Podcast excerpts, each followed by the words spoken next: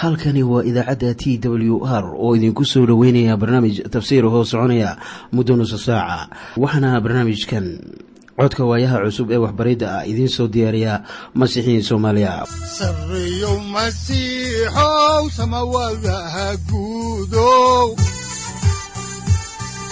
Siraadkii adduunkow subanaha eebow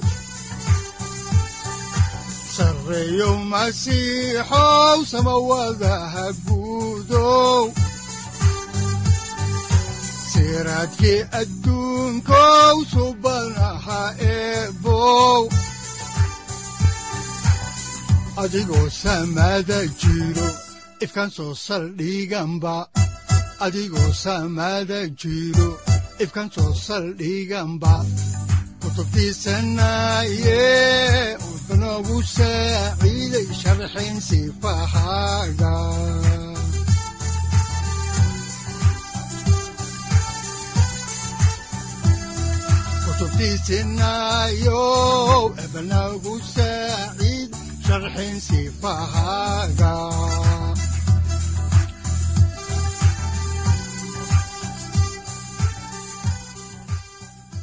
ku soo dhowaada dhegaystayaal barnaamijkeenna dhammaantiinba waxaan horay u sii ambaqaadi doonnaa daraasaadkii la magac baxay baibalka dhammaantii. Waxaannu idiin sii wadi doonnaa caawa kitaabka xaakinnada oo qayb ka ah axdigii hore. Markaana waxaannu horay idinku sii wadi doonnaa cutubka saddexaad oo aynu kaga gudbi doonno kan afaraad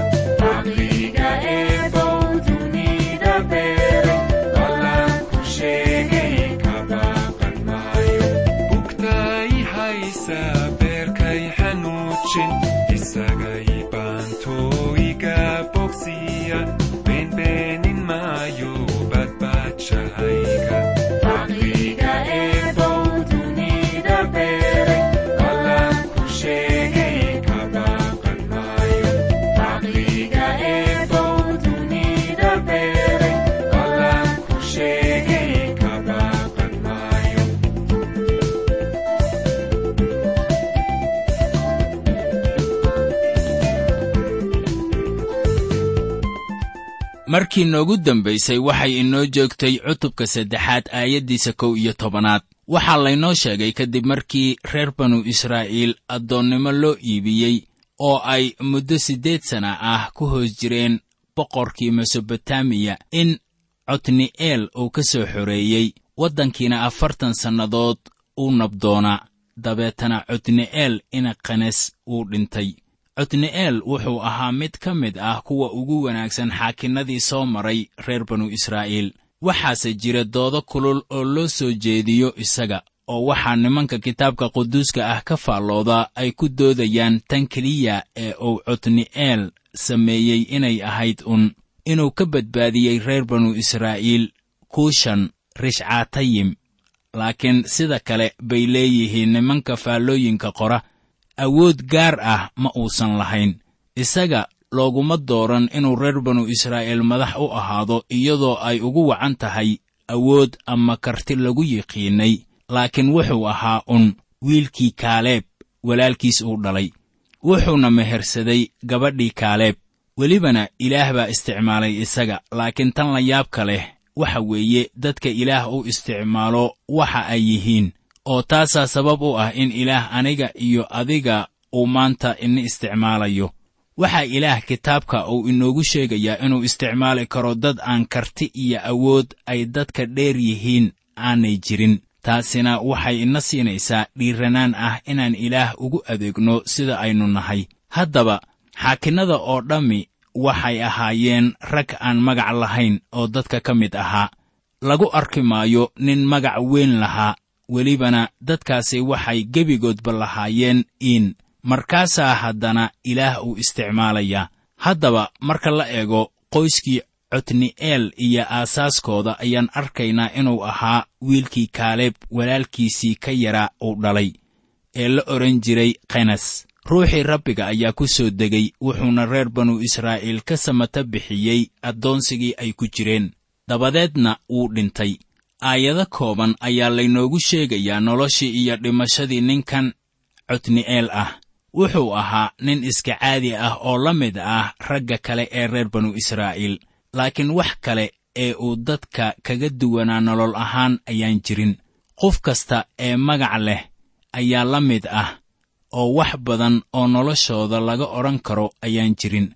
Ugu dambayntana waxay ku soo biyoshubanaysaa dhimasho. Haddaba codni'eel wuxuu ahaa nin caadi ah laakiin ilaah baa noloshiisii caadiga ahayd dul yimid oo noloshiisiina micno ayay yeelatay. Ilaah wuxuu kaleetoo taaban karaa nolosha dadka caadiga ah markaasuu haddana micno u yeeli karaa. Ninka la yidhaahdo ehuud wuxuu ka mid ahaa xaakinnada ilaah oo u sara kiciyey inay reer banu israa'iil samata bixiyaan. Wuxuu lahaa awood aan badnayn welibana ma jirto wax kale ee uu sameeyey ee aan ka ahayn inuu dilay boqorkii reer mo'aab ee la odhan jiray cegloon wuxuu ahaa nin gurta ku dagaalama waxaana taasu ay siisay fursad uu kaga takhalluso ninkan oo sabab u ahaa masiibooyin badan oo ku habsaday nolosha reer banu israa'iil. Haddaba ehuud wuxuu ahaa qalab ilaah uu isticmaalay oo ficilkiisii ahaa dilka cegloon baa kaamishay dantii ilaah. Ilaah wuxuu mar waliba isticmaalaa habka degdegta ah ee dantiisa la kaamilayo si uu dadkiisa u badbaadiyo. Haddaba ficilkii ehuud baa ilaah uu ku badbaadiyey nolosha kumannaan qof. Hase yeeshee dadka qaar baa odhan kara qarnigeenna waxyaabaha caynkaas oo kale ah la oggolaan kari maayo. Nin soomaali ah oo sidaas odhan kara ma leh waayo waxaannu nidhaahnaa gobonnimada waxaa lagu waraabiyaa dhiigga geesiga. Haddaba nasiib wanaag ehuud wuxuu ahaa nin gurta wax ku dila taasaana keentay inuu dilo cegloon saaxib ma ahan inaan leennahay awood aan caadi ahayn. Si ilaah uu inoo isticmaalo waxaannu iminka soo gaarnay xaakinkii saddexaad waxaana la yidhaahdaa shamgar haddaan xaalka shamgar idinka akhrinno kitaabka xaakinnada ayaa waxaa ku qoran cutubka saddexaad ee baalka saddex boqol iyo toban ee axdigii hore aayadda kow iyo soddonaad sida tan. Oo isagii ka dibna waxaa kacay shamgar inacanaad kaasoo reer falastiin lix boqol oo nin kaga laayay usha dibida lagu shuqeeyo oo isaguna reer banu israa'iil wuu badbaadiyey. Markaan xaalkan eegno ma aha ninkan wixii keenay in ciidamada cadowga laga laayo lix boqol oo nin. Waxaase weeye habkii uu isticmaalay waxa mudnaanta leh. Wuxuu isticmaalay usha dibida oo ahayd qalab wax lagu dili karo. Reer banu israa'iil weli ma ayan helin qalab ka samaysan bir ilaa iyo wakhtigaas. Markaas shamgar wuxuu isticmaalay wixii uu haystay. Dad badan baa waxay maanta yidhaahdaan waxaannu jeclaan lahayn haddii aynu dagaal aadayno inaan wadanno qalabka ugu casrisan ee lagu howlgalo. Su'aashaydu waxay tahay in kastoo ay wanaagsan tahay in qalab wacan la qaato haddana waa sidee? Haddaan ku dagaal galno farriinta ilaah. Waa wax la yaab leh haddaba. Way wacan tahay in diyaarado la haysto. Qaadaya howlwadeennada ilaah. Laakiin markii howlwadeennada ilaah ay soo gaaraan goobahooda miyay hadallada ilaah dadka gaarsiinayaan taas ayaan doonayaa inaan ogaado. Waxaannu ognahay aaladda telefishinka inay tahay mid wacan. Waxaadse ka fakartaa sida loo dhallan rogay maanta. Tan ahmiyadda leh ma ahan qaabka aynu u isticmaalayno hawsha laakiin waa farriinta aynu xambaarsannahay ee ka hadlaysa ilaah. Waxaad xusuusataa in ilaah u isticmaalay ushii nebi muuse uu gacanta ku haystay. Waxaa kaloo ilaah u isticmaalay dhagaxii ku jiray warafkii nebi daa'uud doorkas oo ahayd qaadumaddii wakhtigii rasuullada ayaa lahayd hibada ah tolista dharka. Wixii ay haysatay wuxuu ahaa dun iyo cirbad. Waxaa kaloo ilaah uu isticmaalay shantii kibsood iyo xoogaagii kalluunka ahaa. Waxyaabahaas oo dhan ilaah baa la siiyey. Wax waliba ee aad haysato saaxib haddii aad ilaah gacanta u gelinayso ilaah wuu isticmaalayaa waxaad ka fakartaa saddexdan xaakin ee lagu sheegay cutubkan oo waxay ahaayeen saddex nin oo aan awood lahayn laakiin ilaah uu awood siiyey. Iminkana waxaynu ku soo noqonaynaa ehuud innagoo eegayna maaddada ah ehuud oo ah xaakinkii labaad. Haddaan horay idinku sii wadno xigashada kitaabka ayaannu iminka eegaynaa kitaabka xaakinnada cutubka saddexaad aayadda laba iyo tobanaad. Waxaana qoran sida tan oo reer banu israa'iil mar kalay sameeyeen wax rabbiga hortiisa ku xun. Markaasaa rabbigu wuxuu xoog u yeelay ou reer banu israa'iil ku diray boqorkii reer mo'aab oo ahaa cegloon maxaa yeelay waxay sameeyeen wax rabbiga hortiisa ku xun. Waxaan halkan ku arkaynaa dib u gurashada reer banu israa'iil. Reer banu israa'iil in yar bay ilaah u adeegayaan. Dabeetana dhabarka ayay u jeedinayaan oo hortiisa ayay shar ku samaynayaan aayadda saddex iyo tobanaad ayaa waxay leedahay sida tan oo isna wuxuu soo urursaday reer caamoon iyo reer camaaleekh kolkaasuu intuu tegay laayay reer banu israa'iil oo waxay qabsadeen magaaladii lahayd geetimireedka. Haddaba markii reer banu israa'iil ay ka hor yimaadeen doonista ilaah wuxuu gacanta u geliyey gunnimo iyo addoonsi.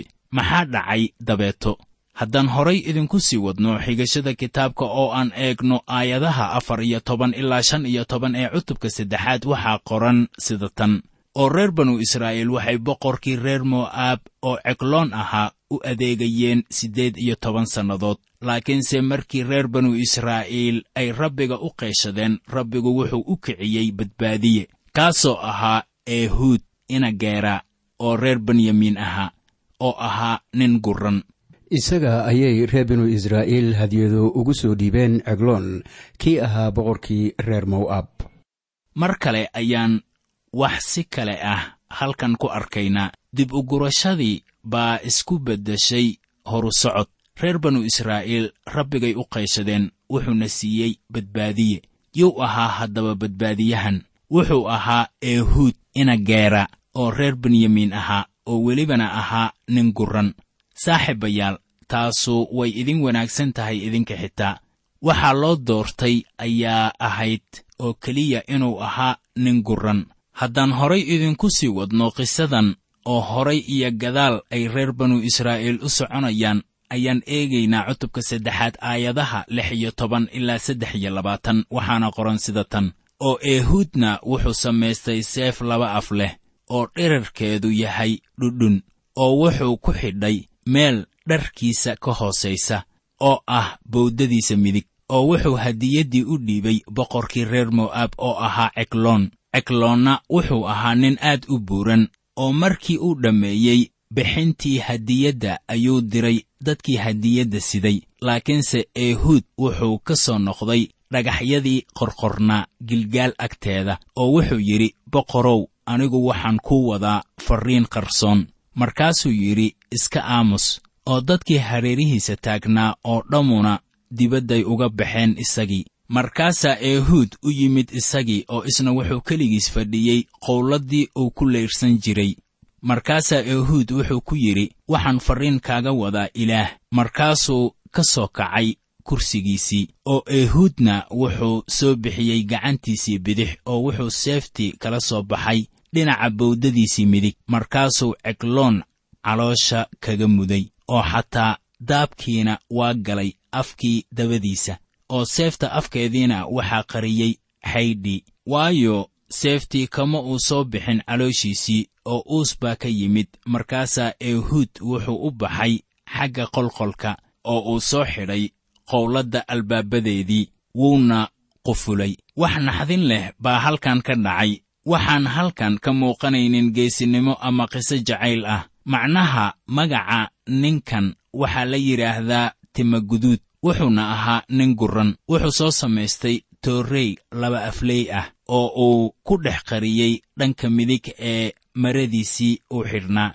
Haddaba dhegaystow yaanay ku dhaafin qisada. Ninkanu wuxuu ahaa nin gurran markaasuu toorrey dhanka midig kala soo baxay. Maalmahaasi qof waliba waxay u muuqatay inuu midigta ku shaqaysto oo nin gurranna ma jiri jirin. Markaana waxay dadka ka baadhi jireen dhanka bidix oo qalabka ay ku qarin jireen kuwa midigta ku dagaalama. Marka ciidamadii sirta ee boqorku waxay baadheen oo keliya dhanka bidix laakiin kama ayan eegin dhanka midig. Oo qofka gurran uu midida ama qalabka dagaalka uu ku qarsan jiray wuxuu soo galay isagoo iska dhigaya sida mid hadiyad u wada boqorka cegloon oo ahaa boqorka reer falastiina wuxuu ahaa nin buuran. Kadib markii ehuud uu siiyey hadiyadda ayuu iska dhigay inuu shay qarsoodi ah u hayo boqorka. Markaasaa boqorkii hortiisa uu ka diray qof waliba iyadoo ay la tahay in ehuud uu u hayo farriin qarsoodi ah. Laakiin qiso naxdin leh baa ku soo socotay. Wakhtigii ku habboonaa ayaa ehuud uu la soo baxay toorreydiisii markaasuu daray cegloon markaasuu ula dhacay midida sidaad ciddoodka ama waraabaha xoolahaaga cunaya ula dagaalanto. Markaasay mididii ku dhex hartay caloosha cegloon markaasaa ehuud albaabkii xidhay uu iska tegey ficilkii ehuud ma ahayn mid fulaynimo lagu tilmaami karo. Waxayse u baahan tahay geesinimo in tallaabo caynkaas oo kale ah la sameeyo haddaan horay idinku sii ambaqaadno xigashada kitaabka oo aannu eegno kitaabka xaakinnada cutubka saddexaad aayadaha afar iyo labaatan ilaa shan iyo labaatan ayaa waxaa qoran sida tan. Haddaba markii uu tegey waxaa yimid addoommadii cegloon markaasay intay wax fiiriyeen arkeen albaabadii qowladda oo qufulan. Kolkaasay waxay is yidhaahdeen hubaal wuu isku daday qowladdiisa uu ku layrsado oo way sugeen ilaa ay isla yaabeen oo bal eeg isna albaabadii qowladda ma uu furin. Sidaas daraaddeed furahay qaadeen oo albaabaday fureen oo markaasay arkeen sayidkoodii oo dhulka ku dhacay oo meyd ah. Addoommadii cegloon oo ahaa boqorkii mo'aab waxay ku sugayeen bannaanka albaabka boqorka. Waxay arkeen in albaabka dibadda la xidhay waxaanay la noqotay inuu hurdo mana ayan doonaynin in la wereeriyo waxay la ahayd inuu soo kacayo markii ay wakhti dheer sugayeen ayay aad u dhararsadeen. Maxaa dhacay haddaba? Ugu dambayntii albaabkii bay fureen waxaana qolka dhex yaallay meydkii cegloon waa boqorka ah aayadda lix iyo labaatanaad ee kitaabka xaakinnada cutubkiisa saddexaad ayaa waxay leedahay ehuudna waa baxsaday intay sugayeen oo wuxuu dhaafay dhagaxyadii qorqornaa oo wuxuu u fakaday xagga siciiraah wakhtigaas oo dhan addoommadii boqorka waxay sugayeen in boqorkoodu uu hurdada ka soo kaco. Ehuudna wuxuu helay fursad uu ku baxsado. Wuxuu ka gudbay dhulka reer mo'aab wuxuuna aaday meel kale oo lagu magacaabo siciiraah halkaasoo ayaan ka soo qaban karin. Haddaan horay idinku sii wadno xigashada kitaabka ayaannu iminkana eegaynaa cutubka saddexaad ee kitaabka xaakinnada aayadaha toddoba iyo labaatan ilaa soddon. Waxaa qoran sida tan oo markuu yimid dalkii buuraha lahaa oo reer efraayim ayuu afuufay buun oo reer banu israa'iilna isagay kala dhaadhaceen dalkii buuraha lahaa oo isna wuu hor socday oo wuxuu ku yidhi isoo raaca waayo rabbiga gacantiinnuu soo geliyey reer mo'aab oo cadaawayaashiinnii ahaa oo iyana isagay ka daba dhaadhaceen oo waxay reer mo'aab ka qabsadeen meeshii webiga urdun laga gudbi jiray oo ninna uma ay oggolaan inuu ka gudbo oo markaasay reer mo'aab ka laayeen rag toban kun ku dhow kuwaas oo ahaa kuwo xoog wada leh oo xataa nin keliyuhu kama baxsan. Sidaasay reer mo'aab ku hoos galeen reer banu israa'iil dalkiina wuu xasiloonaa siddeetan sannadood. Haddaan intaasi ku ekayno xigashada cutubka saddexaad ayaannu iminka soo gaarnay cutubka afaraad oo mawduuciisa uu yahay kaafirnimadii saddexaad iyo ilaah oo reer banu israa'iil ka samata bixinaya silicii iyo dhibkii la soo gudboonaaday isagoo isticmaalaya haweenayda la yidhaahda diboorah iyo barag waxaanan ku bilaabaynaa maaddadan ka hadlaysa diboorah iyo barag sida tan. Haddaan horay idinku sii wadno xigashada kitaabka ayaannu iminka eegaynaa kitaabka xaakinnada ee baalka saddex boqol iyo toban ee ahdigii hore cutubka afaraad aayadaha kow ilaa saddex waxaana qoran sida tan oo reer banu israa'iil waxay haddana sameeyeen wax rabbiga hortiisa ku xun. Markii uu eehuud dhintay dabadeed oo rabbiga wuxuu iyagii ka iibiyey boqorkii reer kancaan oo ahaa yaabiin oo xukumi jiray xaasoor oo sargaalkii ciidankiisu wuxuu ahaa sisaraa kaas oo degganaa xarosheed tii quruumaha oo reer banu israa'iilna waxay u qayshadeen rabbiga waayo ninkaasu wuxuu lahaa sagaal boqol oo gaari fardood oo bir ah oo kaasu labaatan sannadood buu reer banu israa'iil aad u cadaadinayey kadib markii uu dhintay eehuud reer banu israa'iil mar kaley ku noqdeen asnaam caabud waxaana u bilowday qarni cusub oo xasuuq ah. Rabbiguna wuxuu ka iibiyey ninkii boqorka reer kancaan ahaa wakhtigaas ee la odhan jiray yaabiin sisaraa oo ahaa taliyaha ciidamada ayaa wuxuu haystay sagaal boqol oo gaari fardood ah oo bir ah.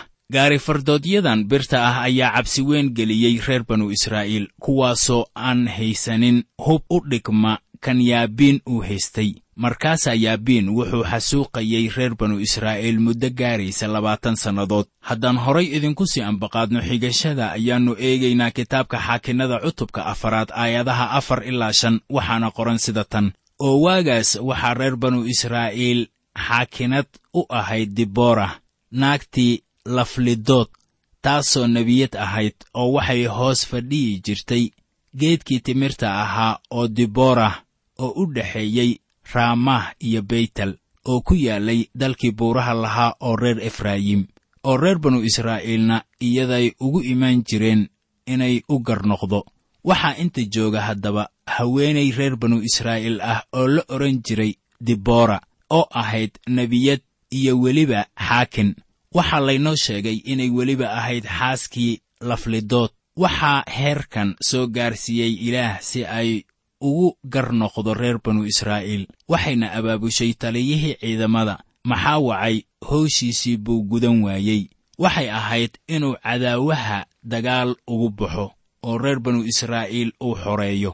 Haddaan horay idinku sii wadno xigashada oo aan iminkana eegno cutubka afaraad aayadaha lix ilaa siddeed ee kitaabka xaakinnada ayaa waxaa qoran sida tan oo iyana cid bay u dirtay oo baaraakh ina abiinocam ayay uga yeedhay kedesh naftaali oo waxay ku tidhi miyaan rabbiga ilaaha reer banu israa'iil ahu kugu amrin uu kugu odhan tag oo u dhowow buur taaboor oo waxaad kaxaysataa toban kun oo nin oo ah reer naftaali iyo reer sabaluun oo anna waxaan webi qiishoon kugu soo dhowayn doonaa sisaraa oo ah sargaalkii ciidanka yaabiin isaga iyo gaari fardoodkiisa iyo dadkiisa badanba oo gacantaadan gelin doonaa markaasaa baaraaq waxa uu ku yidhi haddaad i raacdid waan tegi doonaa laakiinse haddaanad i raacin tegi maayo. Haddaba haddii uu jiray taliye seegseeg ah wuxuu ahaa baaraaq ama baraag waxay ahayd inuu ciidamada dagaal geliyo laakiin wuxuu isku qarinayey dumarkii dalka. Baaraag ama baaraakh dagaal u kici maayo ilaa diboorah ay raacdo oo waxay la ahayd haddii nebiyaddan dagaalka ay u raacdo inuu soo guulaysanayo haddaba la yaab ma ahayn inuu ilaah qof dumar ah u soo bixiyey xilligaasi reer banu israa'iil. Aayadda sagaalaad ee cutubka afaraad ayaa leh kolkaasay ku tidhi hubaal waan ku raacayaa hase yeeshee socdaalka aad tegaysaa ahaan maayo mid adiga sharaf kuu leh. Waayo rabbiga wuxuu siisaraa ka iibin doonaa naag gacanteed. Kolkaasay diboorah kacday oy baaraakh u raacday xagga kedesh haddaba diboorah waxay ballanqaadday inay raacayso baaraakh laakiin waxay tidhi waxaa magaca yeelanaya qof dumar ah. Sida muuqatana waxay doonaysay in baaraakh magaca uu qaato. Iminkana waxaynu soo gaarnay maaddada ku saabsan dhacdadii iyo dhimashadii seesaraa marka ay sidan tahay dibora ayaa waxay u muuqanaysaa haweenay ay ka go'an tahay xoraynta dadkeeda. Baaraaq wuxuu isugu yeedhay ciidamadiisii waxaanay isku diyaariyeen inay dagaal ku qaadaan ciidamada cadowga. Ilaah baa siiyey iyaga guul. Haddaan cutubkan soo koobno ayaannu idin akhriyaynaa aayadaha lix iyo toban ilaa kow iyo labaatan ee cutubka afaraad ee kitaabka xaakinnada. Waxaa qoran sida tan.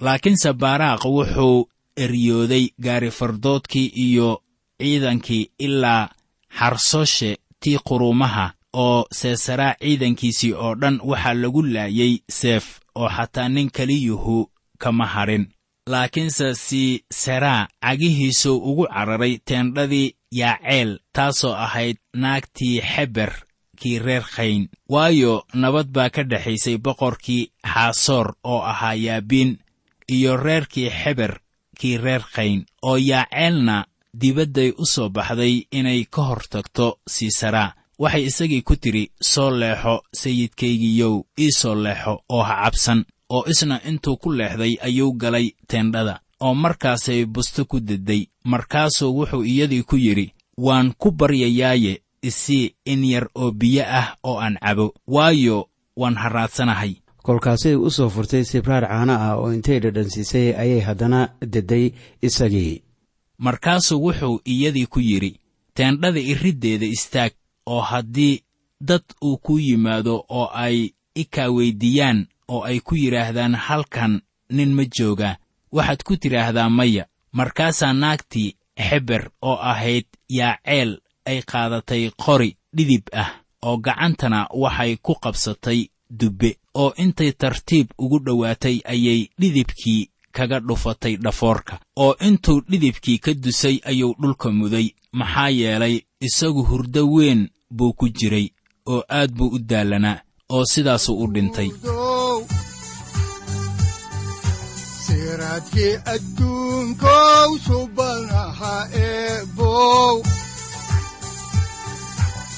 Adigoo samaada jiro ifkan soo saldhiganba adigoo samaada jiro ifkan soo saldhiganba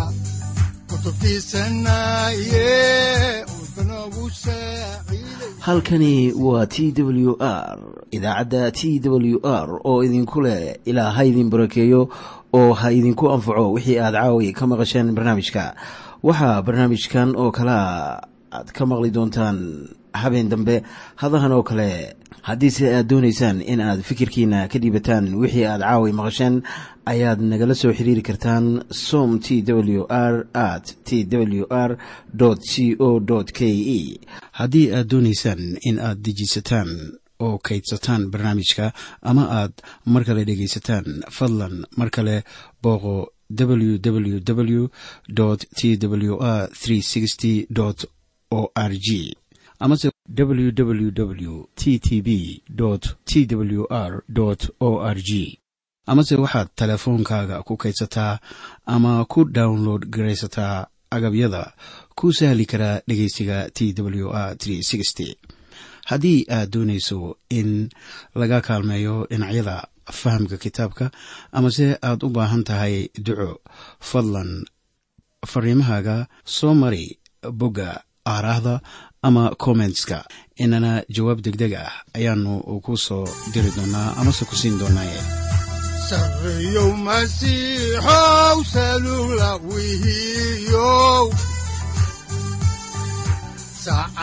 timid dhulka sabada ku dhalatiyo